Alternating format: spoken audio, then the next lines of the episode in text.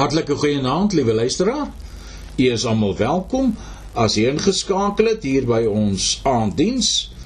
Kom ons bid gou saam. Hemelse Vader. Here baie dankie dat ons in hierdie aand u troon mag nader in die naam van Jesus, u seun. Dankie Here Jesus dat u vir ons die pad gebaan het en dat ons in hierdie aand deur u die Vader mag nader want Here u het gesê Ek is die weg en ek is die waarheid en die lewe. Niemand kom na die Vader behalwe deur my nie. En Here daarom is ons so bly en dankbaar om u te kan ken en om na u te kom Vader en vir u te sê baie dankie vir hierdie geleentheid om weer eens u woord te kan verkondig. Here as mens wil ek bid dat U my deur die Heilige Gees sal lei om hierdie boodskap af te lewer. En Here dat U alleen die eer en die lof en die aanbidding sal ontvang wat U toekom. Here, ek bid vir elke hoorder dat U werklik waar in elke hart sal spreek deur middel van die Heilige Gees. Baie dankie Here dat ons kan bid dat U elke luisteraar se ore sal instel, Here, tot hierdie boodskap. Ek dank U, Here, dat U dit nou doen en U lei ons in Jesus naam. Amen.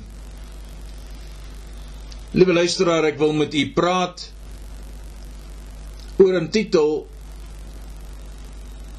met slegs 3 woorde: Waar is Jesus? Ja. Waar is Jesus. Ons het 'n paar skrifte wat ek aan u wil lees en dit kom uit Lukas 2 vers 41 tot 50. En kom ons lees dit in die ou vertaling as ware en dit lees die volgende. En sy ouers was gewoond om elke jaar na die Paasfees na Jerusalem te gaan. En toe hy 12 jaar oud was, het hulle volgens die gebruik van die fees na Jerusalem opgegaan. En nadat die feesdae vir hulle verby was, terwyl hulle teruggegaan het, het die kind Jesus in Jerusalem agtergebly en Josef en sy moeder het dit nie geweet nie. Maar omdat hulle gedink het dat hy by die reisgeselskap was het hulle 'n dagreis ver gegaan en hom onder die familie en onder die bekendes gesoek. En toe hulle hom nie vind nie het hulle teruggegaan na Jerusalem en hom gesoek. En na 3 dae het hulle hom in die tempel gevind terwyl hy in die midde van die leraars sit en na hulle luister en hulle uitvra. En na 3 dae het hulle hom in die tempel gevind terwyl hy in die midde van die leraars sit. Hoor baie mooi. Na hulle luister en hulle uitvra.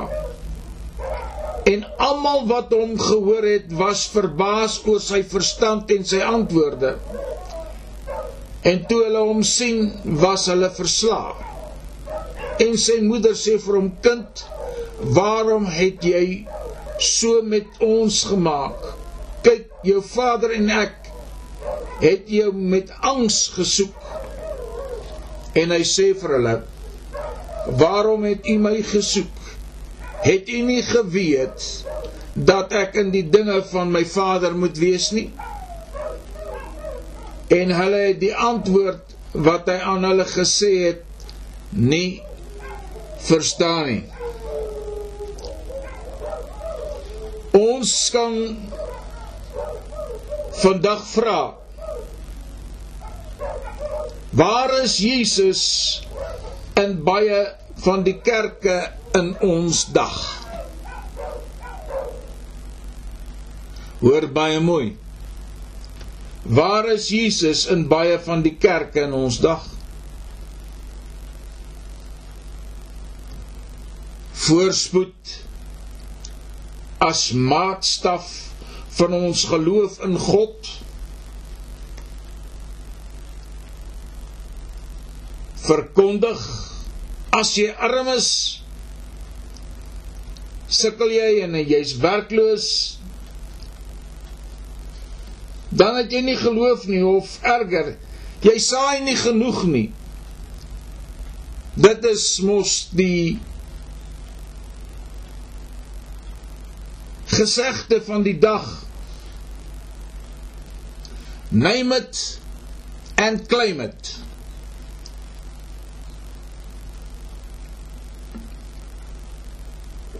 en dis nie die waarheid nie Jy sien as ons met vermore se boodskap in gedagte as ons in totale oorgawe aan God lewe sal ons verstaan waarom ons as lidmate wat dit finansiëel mee goed gaan. Op ons lê die verantwoordelikheid om vir hulle te versorg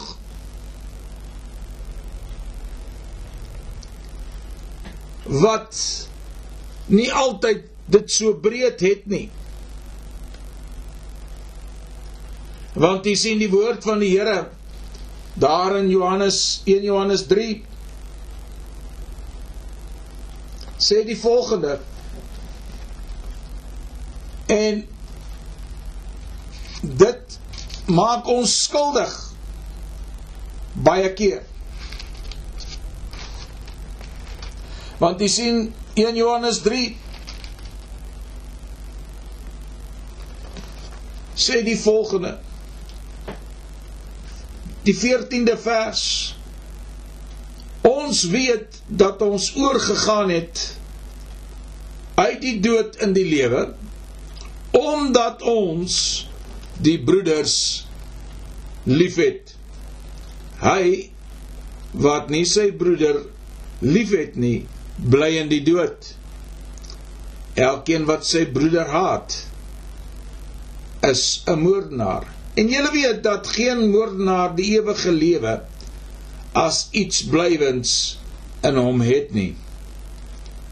Hieraan vers 16 het ons die liefde leer ken dat hy dit is Jesus sy lewe vir ons afgelê het en ons behoort ons lewe vir die broeders af te lê maar wie die goed van die wêreld het en sy broeder sien gebrek ly en sy hart vir hom toesluit hoe bly die liefde van God in hom? My kinders vers 18 laat ons nie lief hê met woorde of met die tong nie maar met die daad en in waarheid Net tot sover. Liewe luisteraar, u sien Jesus het jy as ware altyd gevind onder die behoeftiges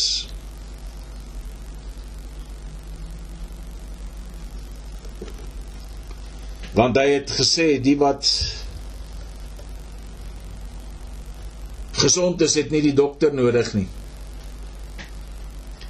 Jy sien maar in deesdae as ons sou vra waar is Jesus in ons kerk? Dan moet ons ongelukkig sê dat vermaak en die kunste spesiale beligting en effekte is as noodsaaklikhede om ons mense te bereik of te verkondig. Die Engelse woord daar is seeker friendly. vriendelik om 'n soeker te wees in die kerk. En ongelukkig is rykdom prag en praal as noodsaaklik geag om mense gemaklik te laat voel. Want u sien dit sê vir jou dat hierdie kerk is 'n vooruitstrewende kerk.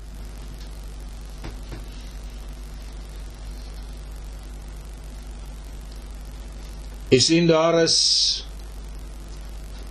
kerke waar daar glad nie eens meer meer skuis 'n bazaar of 'n koekverkoping of wat ook al gehou word nie. Want daar is soveel vermoënde ryk mense in daardie kerk dat hulle in een keer per jaar net op daardie spesifieke dag soos dit gemerk is op die almanak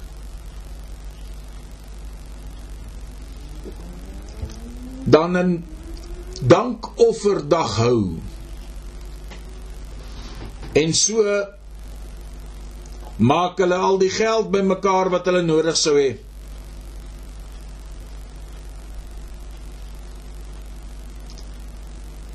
En dit ontneem eintlik die gemeente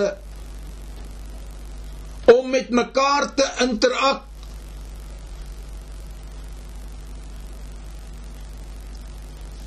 Jy sien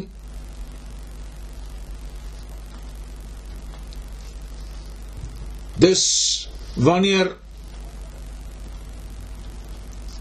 almal saamwerk om 'n sekere doel te bereik en dit is my altyd hartseer as die kerk dit nie meer doen nie.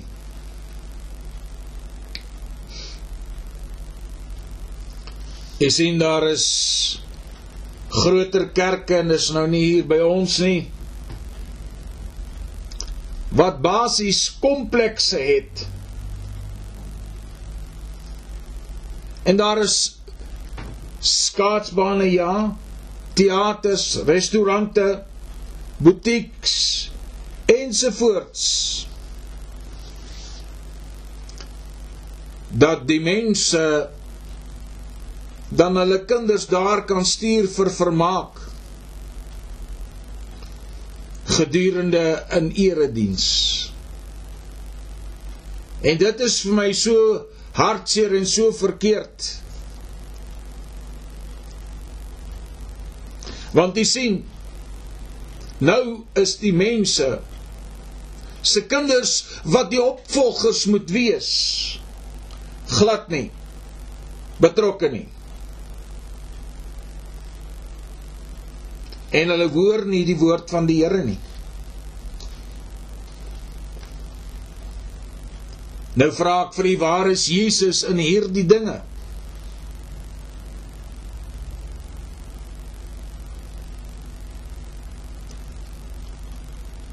Baie kere word charismatiese sprekers met woorde van motivering en inspirasie in diens geneem.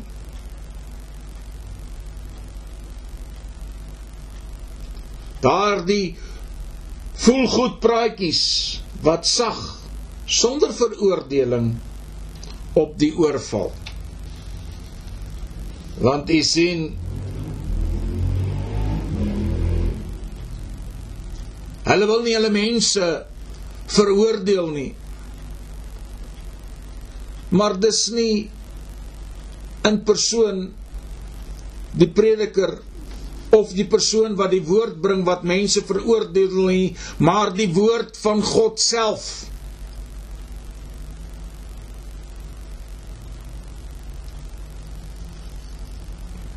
As jou lewe nie op datum is nie en hierdie woord word gepredik, dan sal jy onder die woord se veroordeling val.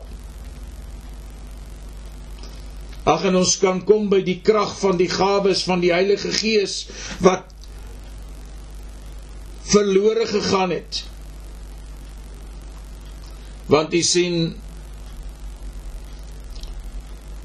daar word voorgestel dat ons sogenaamde ordelike dienste graag wil laat plaasvind en dat ons nie mense moet aanstoot gee nie.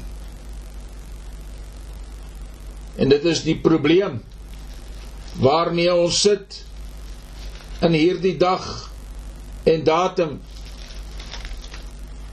Want jy sien, liewe luisteraar, wanneer ons die woord van die Here lees en ons lees daar in 1 Korintiërs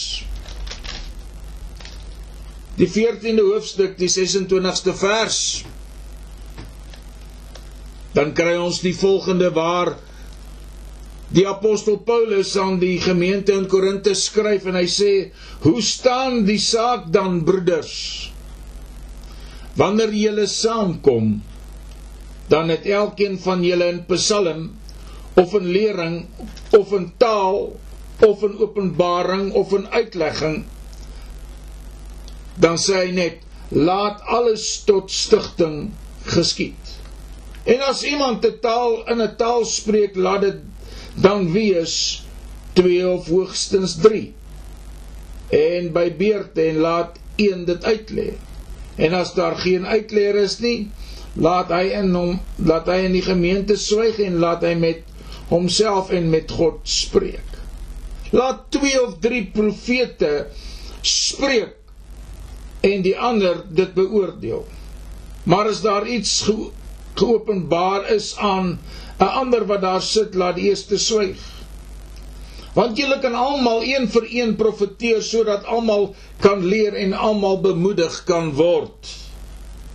En die geeste van die profete is aan die profete onderworpe. U sien, u sien, liewe luisteraar, dit is wanneer Jesus in 'n gemeente deur die Heilige Gees opereer. Wanneer ons kyk dan word wedergeboorte met kerklidmaatskap verwar. Wanneer jy vir iemand vra is jy wedergeboorte dan gebore? Dan sal hulle vir jou sê man kyk ek behoort aan my kerk. En hulle besef nie dat dit is is van kardinale belang dat hulle wedergebore is nie. Die Here Jesus sê aan Nikodemus wat in die nag na hom toe kom en hom vra rabbi Wat moet ek doen om die ewige lewe te hê? En hy sê: Jy is die leraar van Israel en jy weet dit nie. Hy wat uit water en gees weergebore is, sal die ewige lewe hê. Dis nou maar my verduideliking. Moet my nie op die eh, quotering aanvat nie maar dis wat die Here Jesus aan Nikodemus gesê het. Jy sien wedergeboorte is geensins lidmaatskap aan 'n kerk nie Kom laat ons nie mekaar verwar nie Wedergeboorte is wanneer jy Jesus Christus in jou hart innooi as Heer lewe, Heer leidsman en heiland van jou lewe. Wanneer jy jou sonde voor hom bely en hy jou was met sy kosbare bloed.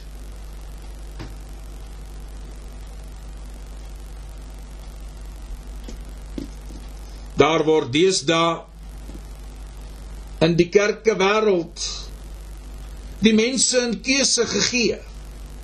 Besprinkeling of onderdompeling. As ware word dit aanvaar as doop en beide as reg beoefen. Jy kan gaan en sê maar ek wil besprinkel word dan word jy nou in hakkies met die doop van besprinkeling bedien. Daar is nie so iets nie. En weer eens gaan mense my vanoggend met klippe gooi. Ekskuus vanaand met klippe gooi. Maar dit maak nie saak nie. Dit is die woord van God wat werklik staan. Markus 16 vers 16. En dit staan uit soos 'n paal bo water. En daarby kan ons nie verbykom nie. Want dit sê die volgende: Wanneer ons die boek van Markus lees en hy sê Dit is die Here Jesus wat aan sy disippels hierdie opdrag gee. En hy het vir hulle gesê: "Gaan die hele wêreld in en verkondig die evangelie aan die ganse mensdom. Hy wat glo en hom laat doop, sal gered word. Maar hy wat nie glo nie, sal veroordeel word. En vir die wat geglo het, sal hierdie tekens volg." In my naam sal hulle duiwels uitdryf en met nuwe tale sal hulle spreek. Liewe luisteraar, Dis waarom ek vir u gelees het 1 Korintiërs 14. Waar Paulus sê hoe staan die saak wanneer ons bymekaar kom? Het ons in taal, het ons in uitleg, het ons in profesie? Want u sien dit gebeur nie meer in die kerke nie. Want dit kom nie meer voor nie. As gevolg van die feit dat mense in hierdie aand nie meer glo in die gawes van die Heilige Gees nie. Liewe luisteraar, waar is Jesus in jou kerk vanaand? Is Jesus nie die Here en die hoof van die kerk nie? Is Jesus nie veronderstel om die hoof te wees van ons kerke nie?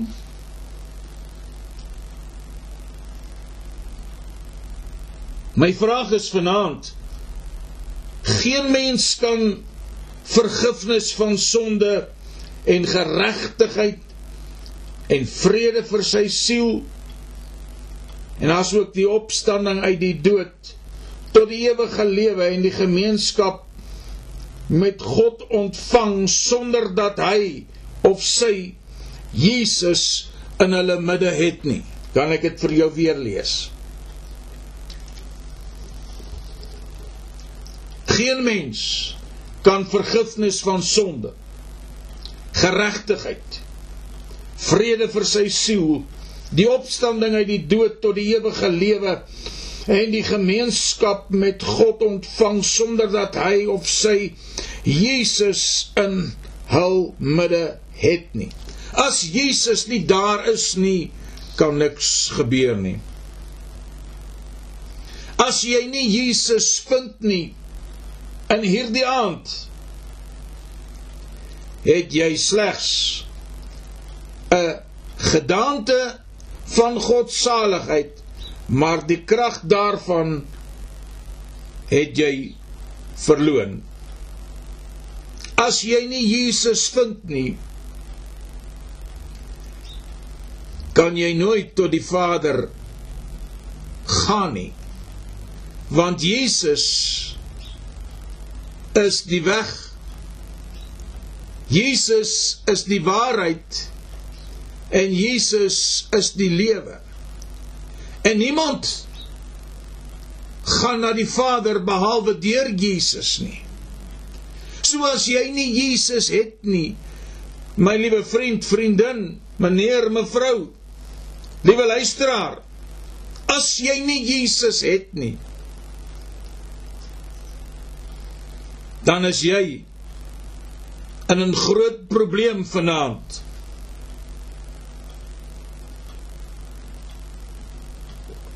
As jy nie Jesus het nie,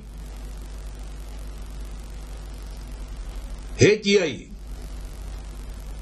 nie die ewige lewe nie. Want Jesus is die weg tot die ewige lewe.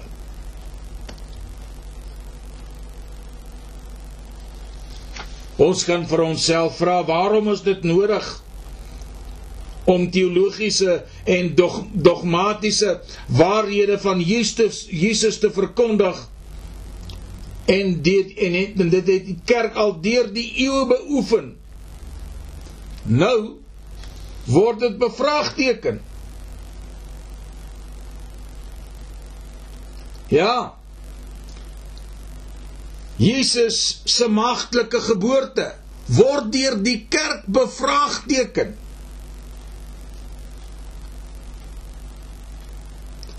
Kan jy so iets glo? Ja, prediker, dis die waarheid.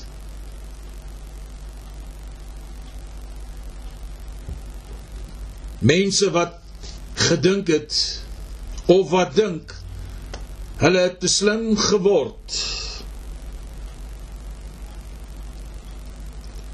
Wil nou Jesus ons heiland en ons Here se maagtelike geboorte bevraagteken. My vriend, die oomblik wat jy dit doen, kan jy maar jou Bybel weggooi. Dan beteken hy ook niks vir jou nie, want jy kan nie net die een wil hê en nie die ander wil saamneem nie, want ons het die drie eenheid van God. Vader, Seun en Heilige Gees. En as jy die seun ontken, dan het jy ook nie die Vader nie en dan het jy ook nie die Heilige Gees nie. En wederom. En ons moet dit vir mekaar sê vanaand. Jesus het werklik uit die dood opgestaan. Jesus het werklik aan die kruis op Golgotha gesterwe. Want as jy nie die kruis van Jesus Christus en hom as gekruisigde wil aanvaar nie, maak jouself reg en hoor mooi wat ek sê vir die hel. Hoor wat ek sê vir u vanaand. As u nie Jesus Christus en hom as gekruisigde wil aanvaar nie. En wil innooi in u hart nie. Maak jouself reg vir die hel Jesus is waarlik die enigste saligmaker die enigste weg en deur na God Hoor mooi wat ek sê in hierdie aand. Daar is geen ander nie. Niemand ander is die saligmaker in Jesus se plek nie. Hy slegs hy alleen is die saligmaker. Hy is die enigste weg na God.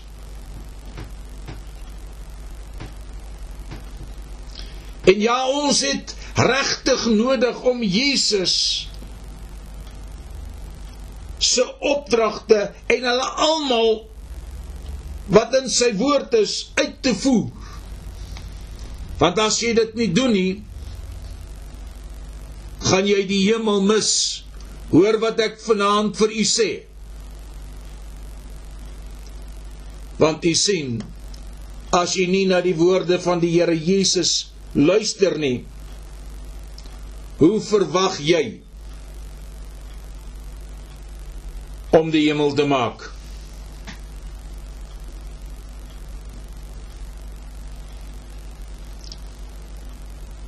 Jesus se wederkoms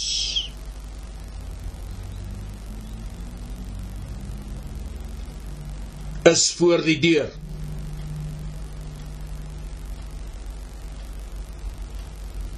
En daar is baie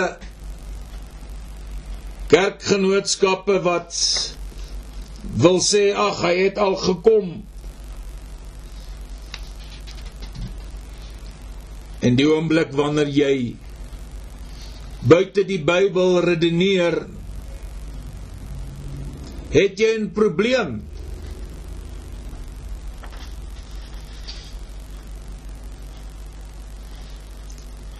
Jesus het onontwonde verkondig dat daar 'n hel is en daar is 'n hemel waarvandaan hy gekom het toe God hom aarde toe gestuur het en hy gebore was deur die maagd Maria. En ek wil dit onontwonde stel deur die maagd Maria Hy is bevrug deur die Heilige Gees. Sy is bevrug deur die Heilige Gees, skuis tog. En hy is gebore in 'n stal in Bethlehem.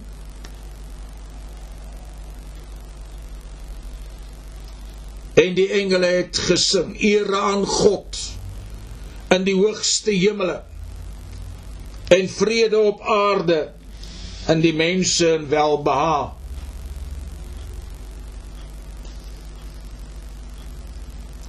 Nou het ons nog 'n tendens wat hom afspeel al vir baie jare. Hou die mense Kersfees. En hulle weet nie eintlik dat dit is 'n heidense fees wat hulle nou ewe skielik wil omskep as hulle Jesus se naam net daarin sit nie. Ja, ons weet hy is gebore maar nêrens nêrens in die woord van God staan dit opgeteken dat ons sy geboortedag moet herdenk nie. As jy dit vir my kry, stuur dit tog vir my aan, dan sal ek dit regstel, liewe luisteraar. Nee. Daar is 'n paar werklike dinge wat ons moet doen soos die doop die avondmaal of die nagmaal dan wat ons sal vier en die Paasfees en die Pinksterfees die opstanding van Jesus gesamentlik met die Paasfees Ek sien mense sal hulle self hel toe stuur omdat hulle nie geglo het en omdat hulle nie die woord van God uitgevoer en gedoen het volgens die voorskrifte wat daarin geskrywe gestaan het nie.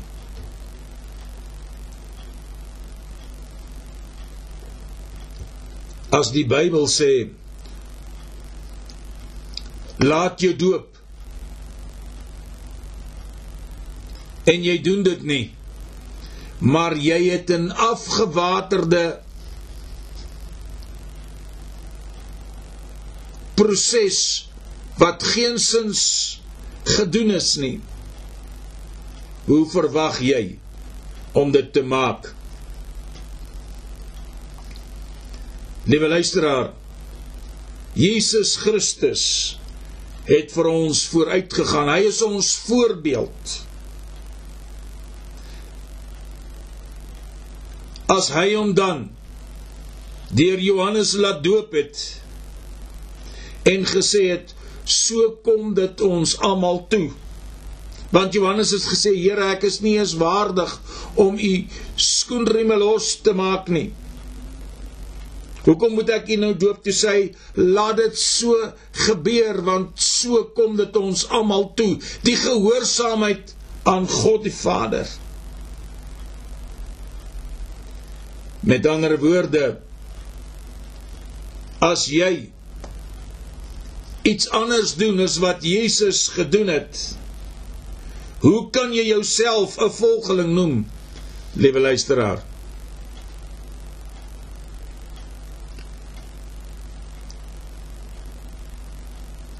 kan God dan so liefdeloos wees dat hy mense hel toe sal stuur? Het ons nie hel op die aarde nie? Dit is mos die ou redenasie. Liewe luisteraar, jy moet die Bybel mooi studeer. Jy moet God se woord mooi gaan lees. En jy gaan moet seker maak dat dit wat in God se woord is of jy kwalifiseer vanaand.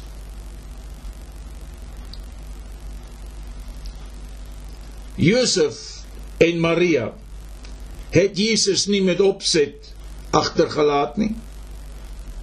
Hulle het gemeen hy's nog met die reisgeselskap.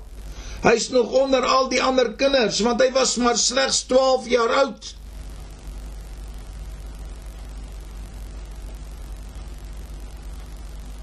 Want die woord van die Here sê daar in Lukas 2 vers 43 en 44 en nadat die feesdae vir hulle verby was terwyl hulle teruggegaan het het die kind Jesus in Jerusalem agtergebly en Josef en sy moeder het dit nie geweet nie. Maar omdat hulle gedink het dat hy by die reisgeselskap was, het hulle 'n dagreis ver gegaan en hom onder die familie en onder die bekendes gesoek. Hulle was so besig om te gesels met hulle eie dinge dat hulle van Jesus vergeet het. Dalk sou Josef van Maria gevra het: "Waar is Jesus?" En sy sou dalk vir hom gesê het man ek dink hy is saam met broer Efraim se mense daar. Hulle hulle hulle kinders speel daar gooi kinders klip daar die kant. Of wat ook al sy hom geantwoord het. Maar toe dit antwoord Toe kom hulle agter maar Jesus is nie in hulle geselskap nie. Selfs hulle vriende wat saam met hulle gereis het, het nie eens opgemerk dat Jesus nie by hulle was nie.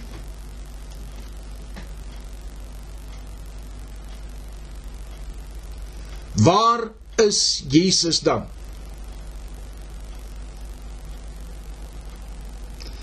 Jesus is nie hier waar die kerk besig is nie.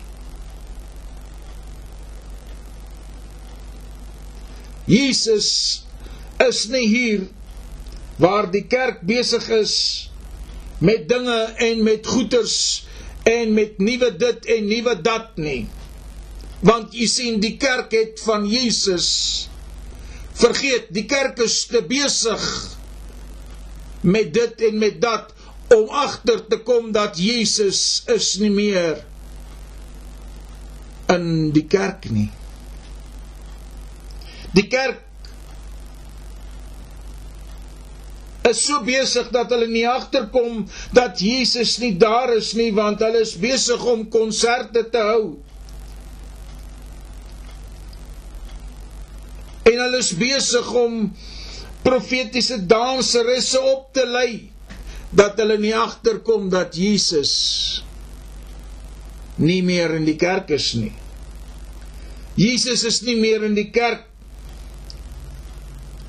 as gevolg van die feit dat hulle besig is met die nuutste beligting en die dekor en hulle is besig om te kibbel en te kabbel daaroor nie wat sal die beste kleure wees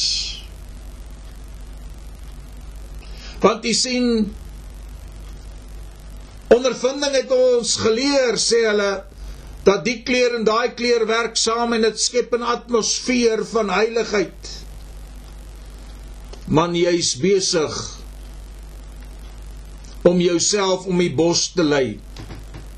Die enigste atmosfeer van heiligheid is wanneer Jesus in jou midde is en wanneer die Heilige Gees opereer in jou midde en wanneer die Heilige Gees se gawes werk, dan ervaar 'n mens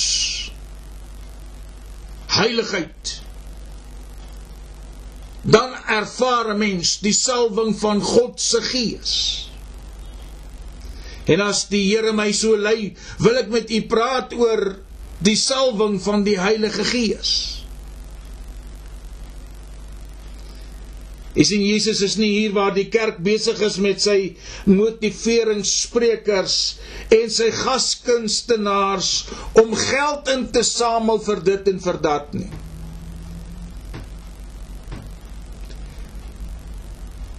Jesus is nie hier waar die kerk besig is om sy saal uit te huur vir 'n klomp gymklasse nie waar mense rondspring op musiek wat glad nie hoort by die kinders van die Here nie want dis taai bou hier en is taai die taai die daar en so gaan dit aan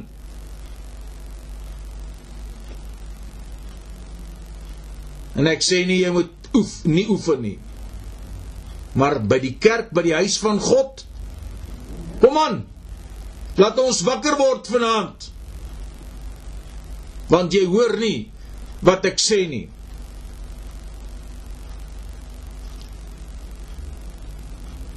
En my raad aan jou vanaand is draai om.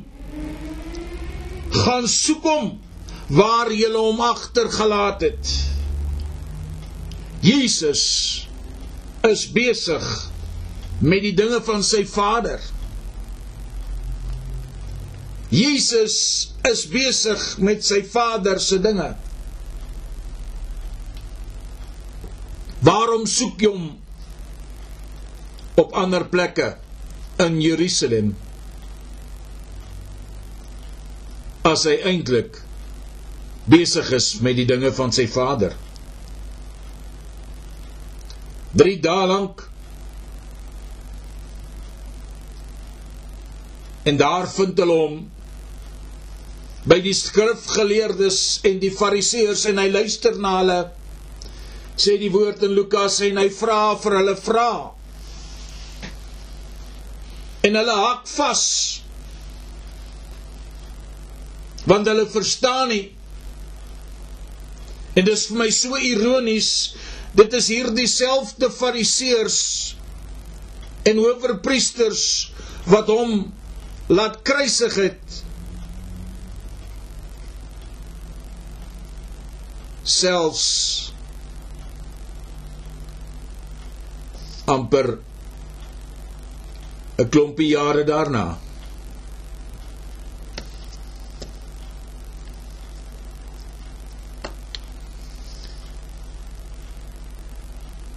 Jy sien 21 jaar daarna het hier dieselfde owerpriesters die volk opgesweep en hulle het gesê kruisig hom kruisig hom en hulle laat Barabbas in sy plek vry.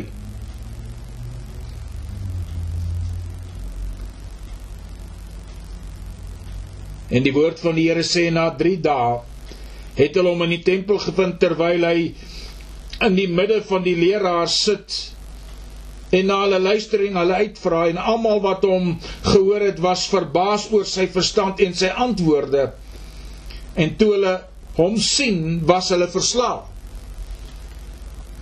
en sy moeder vra sê vir hom kind waarom het jy so met ons gemaak kyk jou vader en ek het jou met angs gesoek. En hy sê vir hulle: "Waarom het u my gesoek?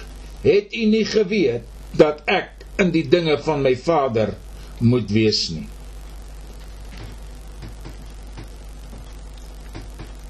Is in die reisgeselskap, die kerk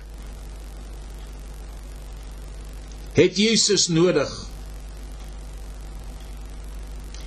Ons as die kerk het Jesus nodig in hierdie aand. U as die luisteraar het Jesus nodig in hierdie aand. Ek vra vir jou nie om by my kerk aan te sluit nie, nee. Want my kerk en jou kerk gaan jou nie in die hemel bring nie, maar slegs die geloof in Jesus Christus en dit wat ons gedoen het volgens sy woord en as ons geleef het volgens sy wil. Hy wat glo en hom laat doop sal gered word. Glo jy vanaand in Jesus Christus as die enigste seun van die lewende God, gebore uit die maagd Maria.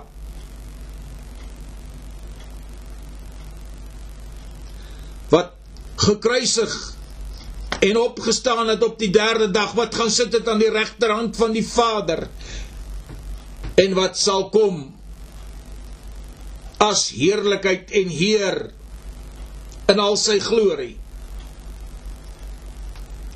om te kom haal die bruid wat vir hom gereed is by sy wederkoms. Sê vir my is Jesus by jou in jou kerk? Of het julle ook so besig geraak met allerlei dinge dat Jesus nie meer daar is nie. Want u sien, Jesus is slegs besig met die dinge van sy Vader. So as u besig is met die dinge van Jesus en sy Vader, sal Jesus by jou aanwesig is, wees, skus. Dan sal Jesus wees waar jy besig is met die dinge van sy Vader.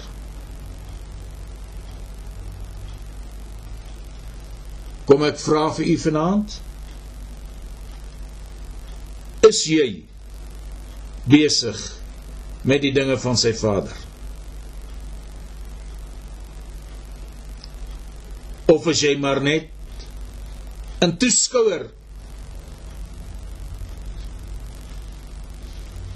of is jy betrokke by Jesus Christus? Erken jy hom? Het jy hom ingenooi in jou lewe? Sy gedoop met water onderdompel. Ja, ek maak daarvan 'n groot ophef want dis die weg wat ons moet wandel om by Jesus uit te kom om gered te word. Daar is nie 'n ander manier nie. Dit is die resep om 'n eindproduk te hê en daaruit te kom sodat ons kan hemel toe gaan. En vir altyd by Jesus en God die Vader en die Heilige Gees te wees. Maar as jy dit nie gaan doen nie, liewe vriend, vriendin, het jy 'n probleem. En hierdie prediker sê dit vir jou vanaand. Dis jou probleem. Want u sien omdat die duiwel en sy trawante ongehoorsaam was aan God en gerebelleer het is die hel vir hulle geskaap geskep. En as jy dieselfde doen om te rebelleer teen God se woord en teen Jesus want jy wil jou eie ding doen want so sê my kerk dis nie nodig vir dit nie dis nie nodig vir dat nie wat sê die woord van God? Kom en lees dit. En moenie met 'n ou verskoningkie kom nie. As jy nie Jesus as voorbeeld volg in dit wat hy gedoen het nie sal jy dit nie maak nie. Dit sê hierdie prediker vir jou vanaand. En ek sluit af liewe luisteraar jy kan my skakel per WhatsApp vir my 'n boodskap los en ek sal met jou in verbinding tree en jou op die regte weg lei indien jy belangstel. Maar dus al wat ek vir jou kan doen. Luister na my WhatsApp nommers of my e-pos adres as jy wil jou lewe regkry met God. Of as jy ook hierdie boodskap wil stuur aan ander kan jy na my potgooi toe gaan ook. Maar ek wil vir jou vra in hierdie aand ken jy hom? Waar is Jesus in jou kerk in jou lewe in jou gemeenskap in jou huwelik waar is Jesus vanaand is hy by jou? Want as hy by jou is, sal hy besig wees met die dinge van sy Vader as jy ook besig is met die dinge van sy Vader. Kom ons bid saam. Hemelse Vader, ons kom in hierdie aand in die naam van Jesus na U toe. En Here, ons weet daar is baie van ons wat tekort skiet in hierdie aand. Maar Here ons wil by u pleit vanaand. En ons wil sê Here Jesus, ons het geval. Wil u ons nie aanneem as u kinders nie? Wil u ons nie vergewe vir ons oortredings nie? Wil u ons nie was in u kosbare bloed nie? want Here dis net U wat dit kan doen want U het U lewe vir ons gegee. Dankie dat ons in hierdie aand kan bid vir hulle wat na hierdie boodskap sal luister, Here dat U ook deur U krag van die Heilige Gees met hulle sal werk. Ons dank U Here dat hierdie boodskap nie leeg sal terugkeer nie, maar dat dit God se doel sal bereik Ons eer U vir alles wat U vir ons doen. Dankie dat ons hierdie aand kan afsluit in U naam en Here dat U in alles en deur alles verheerlik sal word. Ek dank U daarvoor Vader in Jesus se lieflike naam. Amen. Liewe luisteraar, my WhatsApp besonderhede is die volgende +27 76 840 1328 of my e-pos dr klein lettertjies .af .weiers w e lang y e r s 55 @ gmail.com en dan ook my potgooi wat u na mense toe kan stuur dat hulle dit kan aftrek of aflaai aflaai en weer daarna luister. Dit is Dr Anton Weyers DR Anton Weyers GNTK Mag die Here vir u seën en vir u goed wees in hierdie nuwe week. God seën u. Amen. Goeienaand, liewe luisteraar. Baie welkom as u ingeskakel het by ons aanddiens. Voordat ons verder gaan, kom ons bid saam. Hemelse Vader, Here in hierdie aanduur kom ons na U toe deur Jesus U seun. En in sy naam, Here, vra ons Vader dat U ons werklik waar elke een wat inluister sal vashou in U hand van genade. Here dat U deur U Gees met elkeen sal werk en praat soos U alleen maar net kan. Here die boodskap wat ek voorberei het dat U dit sal sien dat u deur die Heilige Gees my sal help en dat u o Heilige Gees my sal dra om net die naam van die Here groot te maak en te eer en te vereer met die bediening van hierdie woord van die Here. Ek dankie dat ons kan bid vir almal wat U nodig het in hierdie aand en Here, ek bid dat hierdie woord op goeie grond sal val en Here dat mense sal besin oor hulle eie lewe. Ek dank U daarvoor, Vader. In die naam van Jesus bid ons dit. Amen. Liewe luisteraar, ek wil graag vanaand met jou praat oor 'n baie belangrike onderwerp naamlik geskik vir die koninkryk van God. Geskik vir die koninkryk van God. U weet Lukas 9 vers 57 skryf die volgende En terwyl hulle op reis was, sê iemand op die pad vir hom: Here, ek sal u volg waar u ook mag gaan.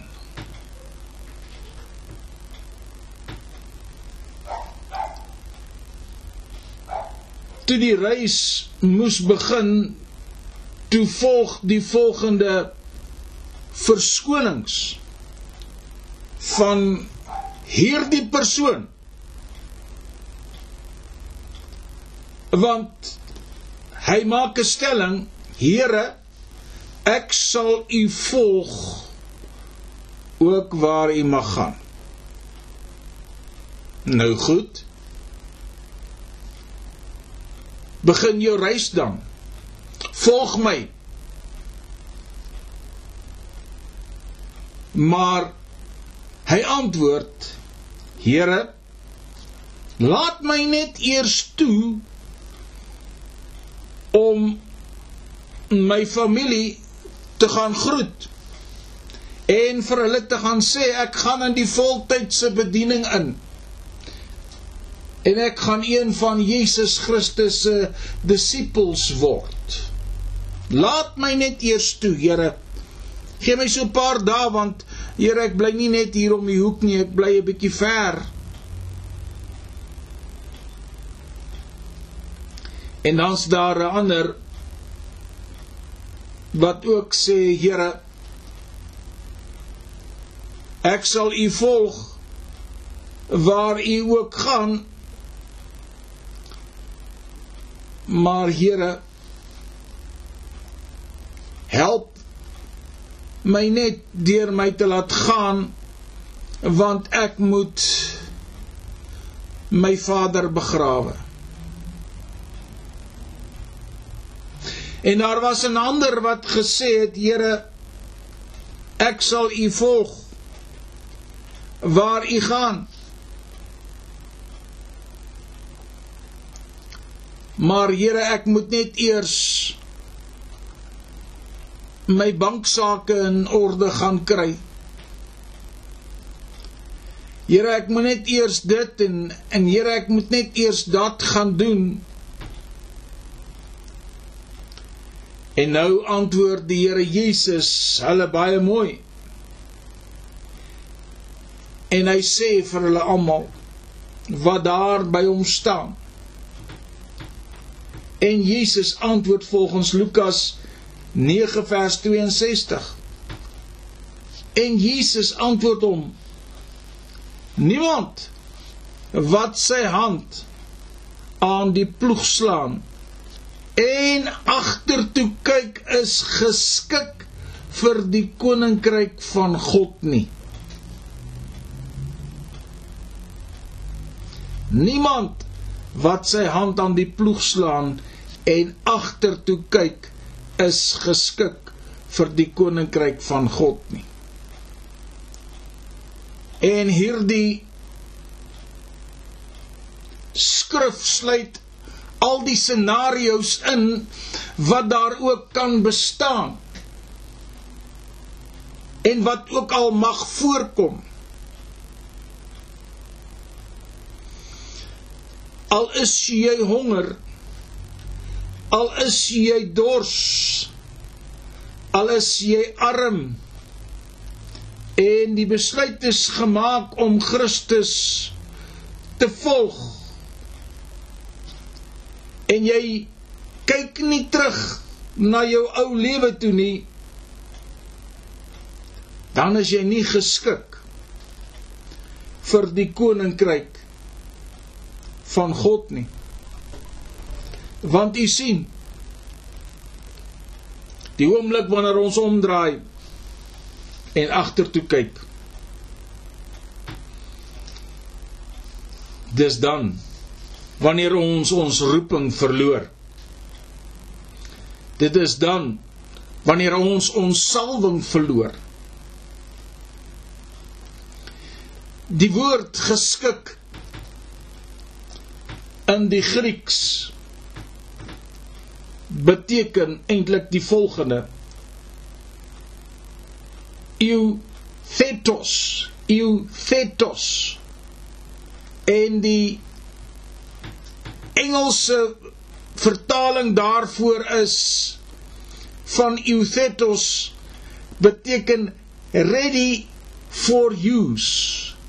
Ready for use. Reg vir gebruik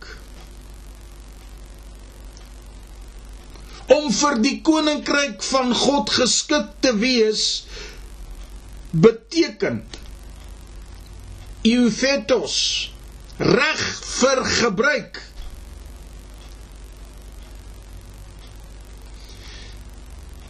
Hy wat reg vir gebruik is, hy besef die werklikheid. En gelowiges wie se aandag nie by die werk van die Here is nie, kan nie gehalte diens lewer nie. Sy of haar fokus is op ander dinge. Hulle pas nie in by die gebruik van die Grieks euthetos nie. Met ander woorde, hulle is nie reg vir gebruik nie. En daardie ander dinge kan nadelige gevolge inhou. Kyk wat skryf Paulus aan die aan 2 Timo, in, aan Timoteus daar in 2 Timoteus 4 vers 10. En hy skryf oor 'n disipel want Demas het my verlaat omdat hy die teenwoordige wêreld lief gekry het en het na Tessalonika vertrek. Oudemas het agtertoe gekyk want hy het die die teenwoordige wêreld lief gekry. Daardie liggies wat geblink het. Daardie geleentheid om geld te maak. U sien soos ek vanoggend gesê het om die Here te dien verg baie toewyding.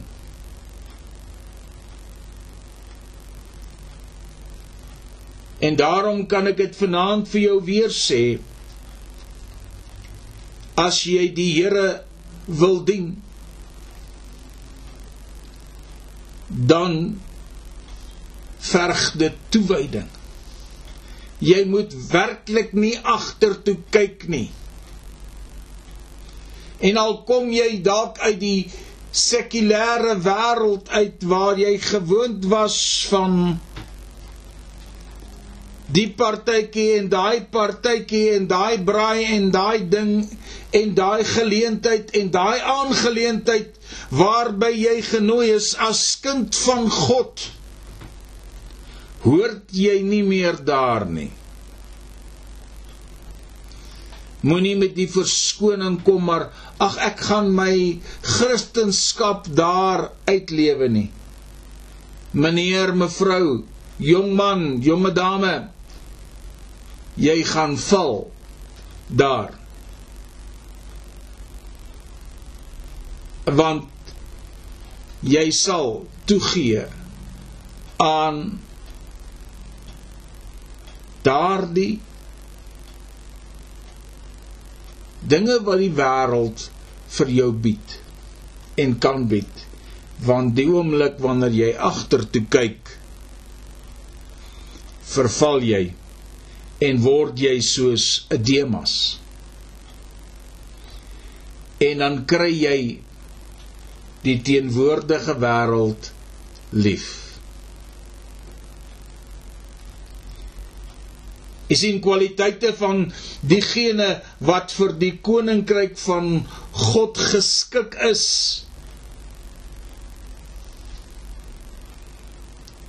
Kom ons gesels daaroor. Ons het vanoggend die opstandingsmôre van die Here Jesus herdenk nie waar nie. Baie van ons het ook nagmaal gehad Weereens skryf Paulus en hy herinner die kerk van Korinte aan waaroor die nagmaal eintlik gaan. Kom ons lees 1 Korintiërs 11 vers 23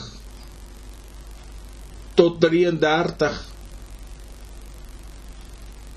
want ek het van die Here ontvang wat ek ook aan julle oorgelewer het dat die Here Jesus in die nag waarin hy verraai is brood geneem het en nadat hy gedank het het hy dit gebreek en gesê neem eet. Dit is my liggaam wat vir julle gebreek word. Doen dit tot my gedagtenis kan ek klem lê hierop? Doen dit tot my gedagtenis net so ook die beker na die ete met die woorde hierdie beker is die nuwe testament in my bloed doen dit so dikwels as jy daaruit drink tot my gedagtenis. Doen dit so dikwels as jy daaruit drink tot my gedagtenis. Want so dikwels as julle hierdie brood eet en hierdie beker drink, verkondig julle die dood van die Here totdat hy kom. Wie dan op 'n onwaardige wyse hierdie brood eet of die beker van die Here drink, sal skuldig wees aan die liggaam en die bloed van die Here. Maar die mens moet homself beproef en so van die brood eet en uit die beker drink want wie op 'n onwaardige wyse eet en drink, eet en drink in oordeel oor homself terwyl hy die liggaam van die Here nie onderskei nie. Daarom is daar onder julle luister mooi baie swakkes en sieklikes en 'n aantal het ontslaap want as ons onsself beoordeel het sou ons nie geoordeel word nie maar as ons geoordeel word word ons deur die Here getuigtig sodat ons nie saam met die wêreld veroordeel mag word nie. Liewe luisteraar. Dit is 'n baie belangrike skrif hierdie wat Paulus aan die Korintiërs skryf. Die simboliek van die nagmaal. Waaroor gaan die nagmaal? Dit gaan oor die feit dat ons die dood en die opstanding van die Here Jesus en die vergifnis van sy bloed verkondig.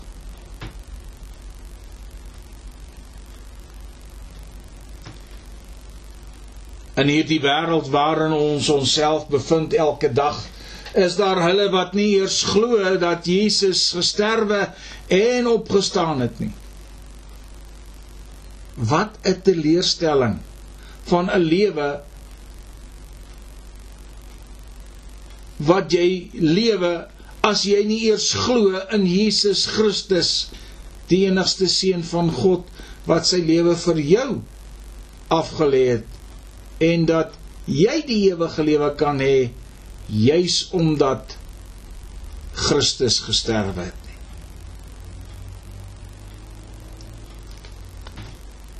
In Johannes die tweede hoofstuk, die tweede vers skryf hy die volgende: En hy is 'n verzoening vir ons sondes. En nie alleen vir ons nie, maar ook vir die van die wêreld van die hele wêreld. En hieraan weet ons dat ons dat hom ken as ons sy gebooie bewaar. Hy wat sê ek ken hom en sy gebooie nie bewaar nie is 'n leienaar en in hom is die waarheid nie. Maar elkeen wat sy woord bewaar in hom het die liefde van God waarlik volmaak geword.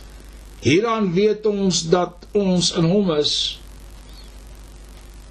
Hy wat sê dat hy in hom bly, behoort self ook so te wandel soos hy gewandel het. Hy wat sê dat hy in hom bly, behoort self ook so te wandel soos hy gewandel het. Liewe luisteraar, hierdie is 'n ontwonde stelling en 'n saak wat u en my as kind van God kwalifiseer of diskwalifiseer. Hoekom sê jy so prediker? Baie maklik. Hy wat sê dat hy in hom bly, behoort self ook so te wandel soos hy gewandel het. Nou kan jy vir jouself afvra: Hoe het Christus gewandel? Maar Dit is waar die kruks van die saak inkom. Christus het op die aarde elke sieke wat hy in die hande kon kry genees. Daar is hoeveel genesings wat ons maar van weet. Wanneer ons lees in die nag waarin Petrus op die water geloop het daar in die vroeë môre toe Jesus na hulle op die see van Galilea geloop het en hulle 'n storm ervaar het wil ek amper sê die moeder van alle storms net voor dit het hy die skare weggestuur maar die woord van die Here sê hy het al die siekes en die krankes genees so die Here Jesus was besig om die wil van die Vader te doen. En as ons op sy lewe kyk, dan sien ons hoe ingesteld was die Here Jesus. Maar ons moet weet vanmôre ek en jy ons is almal duur gekoop En as 'n reël behoort niemand meer aan homself nie. Hoor wat skryf 1 Korintiërs die 6de hoofstuk die 19de en die 20ste vers. Of weet julle nie dat julle liggaam 'n tempel van die Heilige Gees is wat in julle woon in julle is nie wat julle van God het en dat julle nie aan julleself wilself behoort nie. Maar want julle is duur gekoop, verheerlik God dan in julle liggaam en in julle gees wat aan God behoort. Kan ek dit vir jou weer lees? Of weet julle nie dat julle liggaam 'n tempel van die Heilige Gees 'n tempel is, skuis, van die Heilige Gees wat in julle is, wat julle van God het en dat julle nie aan julself behoort nie. Want julle is duur gekoop. Verheerlik God dan in julle liggaam en in julle gees wat aan God behoort. Ek wil u nie lank hou vanaand nie. Maar omdat jy en ek nie aan onsself behoort nie, is daar slegs twee mense of twee entiteite aan wie ons kan behoort. Ons kan of aan Jesus Christus, die enigste seun van God behoort of aan die Satan as ons sy werk doen en glad nie ons harte en ons lewens vir die Here Jesus gee nie. Want u sien u kan nie maak meer soos wat u wil nie. Luister wat sê Matteus 17 vers 21. Ekskuus, Matteus 7 vers 21. Nie elkeen wat vir my sê, Here, Here, sal ingaan in die koninkryk van die hemel nie. Maar hy wat die wil doen van my Vader wat in die hemele is. Matteus 16 vers 24. Toe sê Jesus vir sy disippels: As iemand agter my aan wil kom, moet hy homself verloën en sy kruis opneem en my volg. Hierdie is 'n boodskap vir 'n ander dag, maar dit is so belangrik om dit aan u uit te lig as iemand agter my wil aankom.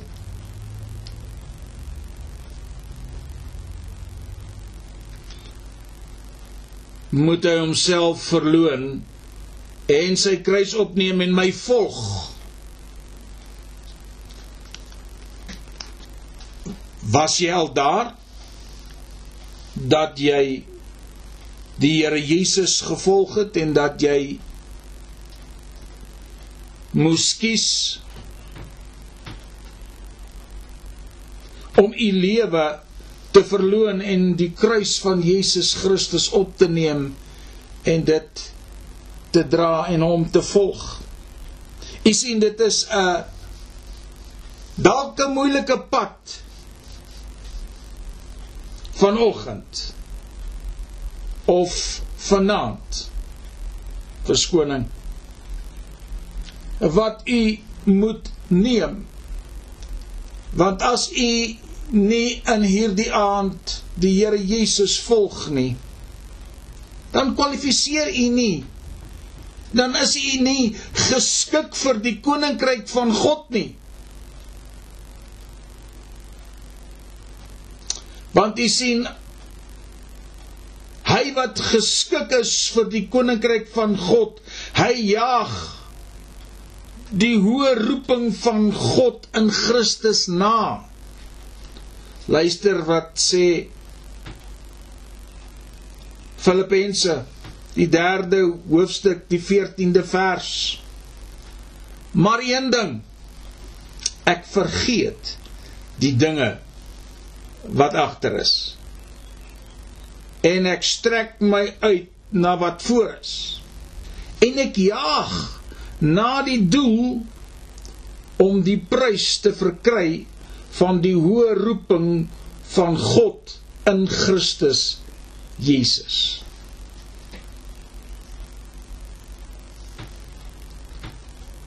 Kyk wat skryf skrywe Paulus aan die Efesiërs daar in Efesiërs 1 vers 3 tot 11.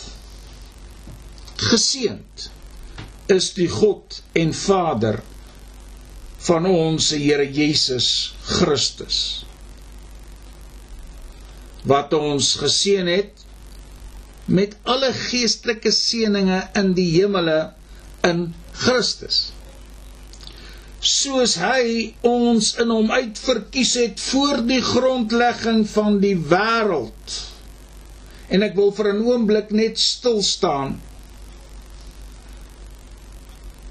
Hy het ons uitverkies voor die grondlegging van die wêreld Hoekom? Om heilig en sonder gebrek voor hom in liefde te wees. As ons kyk wat het hier plaasgevind?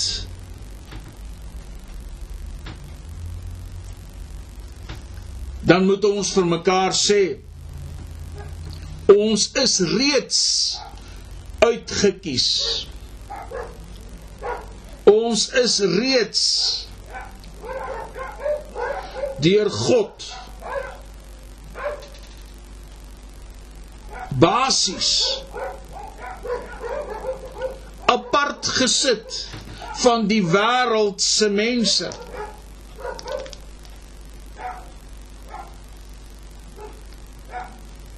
En daarom moet ons 'n bietjie verder lees. Soos hy ons in hom uitverkies het voor die grondlegging van die wêreld om heilig en sonder gebrek voor hom in liefde te wees deurdat hy ons voorbeskik het om ons as sy kinders vir homself aan te neem deur Jesus Christus na die welbehae van sy wil. Tot lof van die heerlikheid van sy genade waarmee hy ons begenadig het in die geliefde in hom het ons die verlossing deur sy bloed die vergifnis van die misdade na die rykdom van sy genade. Hy wat oorvloedig aan ons bewys het in alle wysheid en verstand. Deurdat hy aan ons die verborgenheid van sy wil bekend gemaak het na sy welbehae wat hy in homself voorgenem het. Om die volheid van die tye te reël met die doel om alle dinge wat in die hemele sowel as op die aarde is onder een hoof in Christus te verenig in hom in wie ons ook 'n erfdeel ontvang het nadat ons van tevore daartoe verordeneer is ooreenkomstig die voorneme van hom wat alles werk volgens die raad van sy wil. Dit is 'n baie diep gedeelte uit die woord van die Here. En hier sien ons dat God ons verlos het deur sy bloed. As ons hom aanneem, as ons tot hom ons lewe wil wy. Jy sien die keuse is nog steeds en ek en jy oorgedra deur God se skepingskrag 'n vrye keuse. 'n Keuse om te sê ja of nee. 'n Keuse om te sê ek wil of ek wil nie. Dit behoort in elke mens se lewe so te wees. God sal nooit iemand doen om hom te dien nie. Dit is en bly jou eie keuse.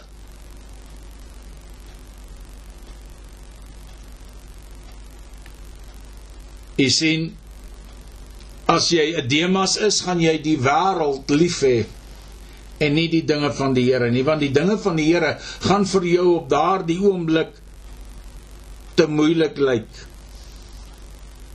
om te volbring. Hoe anders kwalifiseer jy as jy in Christus Jesus bly en hy in jou kyk wat skryf Paulus aan Hebreërs in Hebreërs hoofstuk 2 en ons begin lees uit vers 1 Daarom moet ons des te meer ag gee op wat ons gehoor het dat ons nie miskien wegdrywe nie. Want as die woord deur engele gespreek onwankelbaar was en elke oortreding en ongehoorsaamheid regverdige vergelding ontvang het hoe sal ons ontvlug as ons so 'n groot saligheid verontagsaam het wat nadat dit eers deur die Here verkondig is ook aan ons bevestig is deur die wat dit gehoor het terwyl God ook nog saam getuig deur tekens en wonders en allerlei kragtige dade en bedelinge van die Heilige Gees volgens sy wil. As jy die wil van God of as jy in die wil van God bly skies deur te wandel waardig die roeping wat jou opgelê is vertoon jy die verantwoordelikheid wat God by elke ware kind van die koninkryk soek. Omdat hy weet dat jy jou verantwoordelikheid tot die einde toe sal vashou.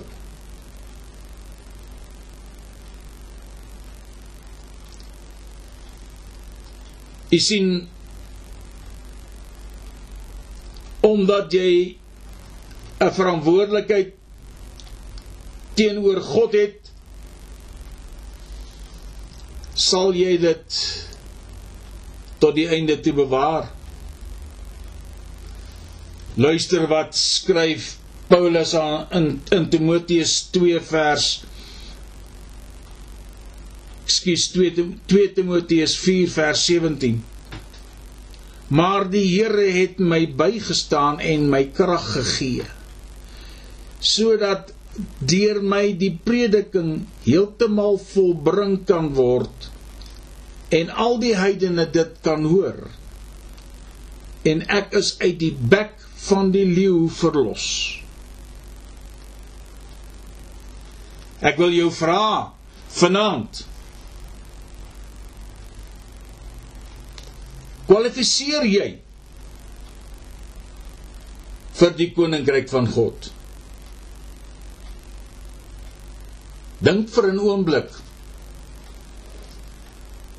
of jy sou kwalifiseer indien jy vanaand sterwe.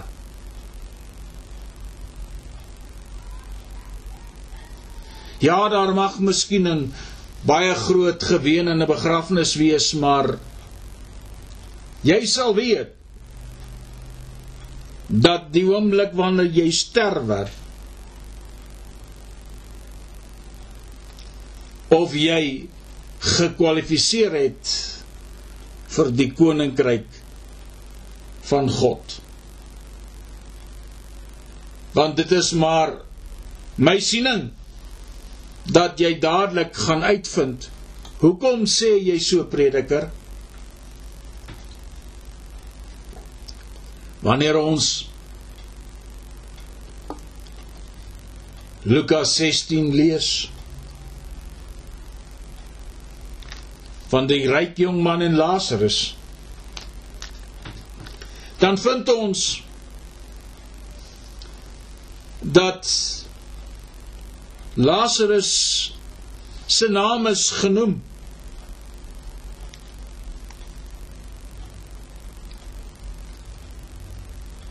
en dan moet ons 'n bietjie verder gaan en gaan lees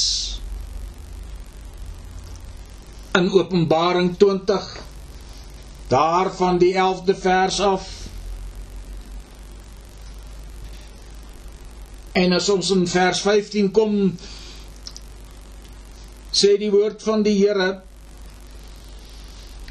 Ten eerste sê hy hy sê in die, en ek het die dode klein en groot voor God sien staan en die boeke is geopen En 'n ander boek is geopen, die boek van die lewe. En as dit gevind is dat iemand se naam nie opgeskrywe was in hierdie boek nie, is hy in die poel van vuur gewerp. Dit is die tweede dood. Nou kom ons sê vir onsself, Lazarus sy naam sal geskrywe word in die boek van die lewe omdat hy Christus aangeneem en ontmoet het.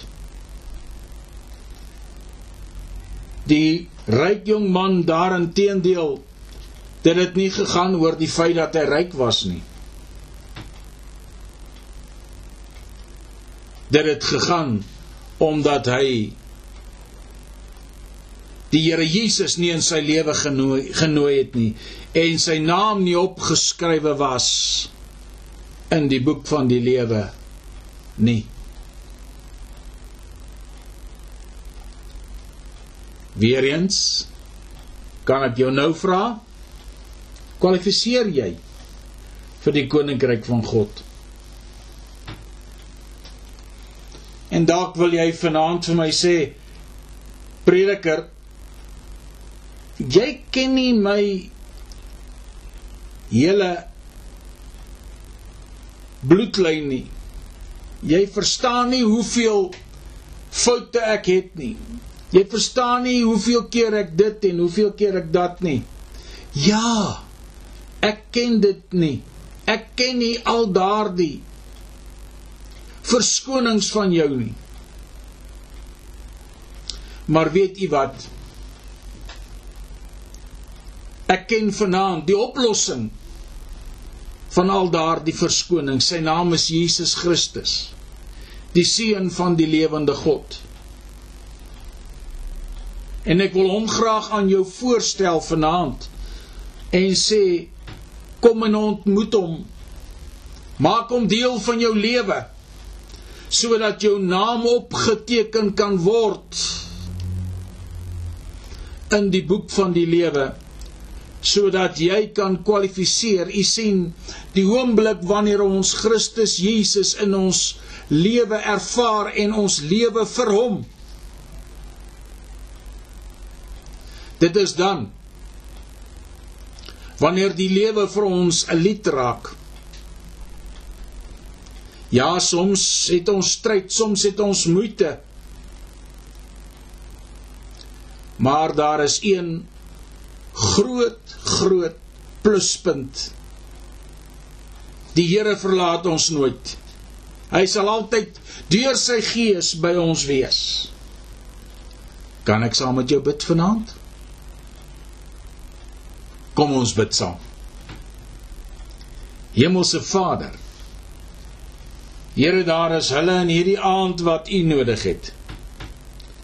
Daar is hulle in hierdie aand wat sê, Here, asseblief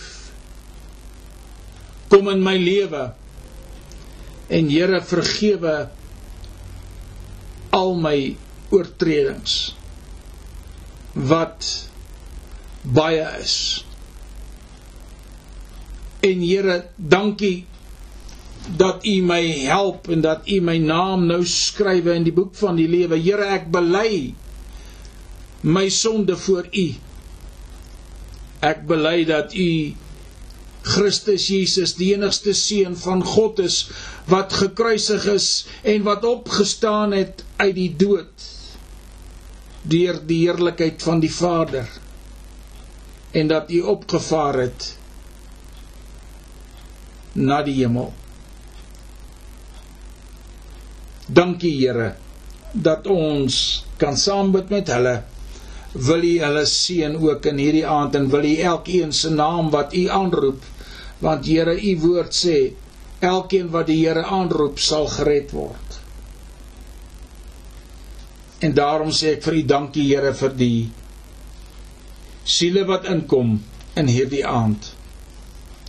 Hemelse Vader, ons bid vir die oorloggetuisterde gebiede waarvan Oekraïne maar een is, Here, die ander is oral oor die wêreld heen en daarom wil ek bid Here dat U ons sal help dat U ons as u kinders sal vashou en Here dat ons altyd u naam sal groot maak, eer en aanbid.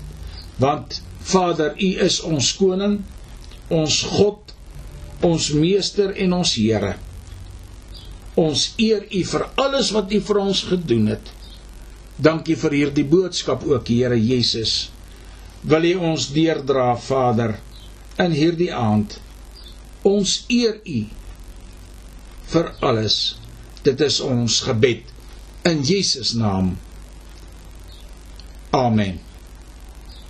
Liewe luisteraar, ek wil graag vir u sê indien u met my wil skakel, is u welkom om my WhatsApp nommer neer te skryf. Dit is +27 76 840 1328. U kan ook op die WhatsApp vra vir my link waarna ek al die boodskappe toe oplaai en dan kan u daarna dit aflaai en luister. Of u kan vir my per e-pos bereik deur te skryf na dr www.weyers55@gmail.com Die Here seën u in hierdie aand en gaan met u deur hierdie hele week wat voor lê. U is geseënd in Jesus naam. Bid ons dit. Amen.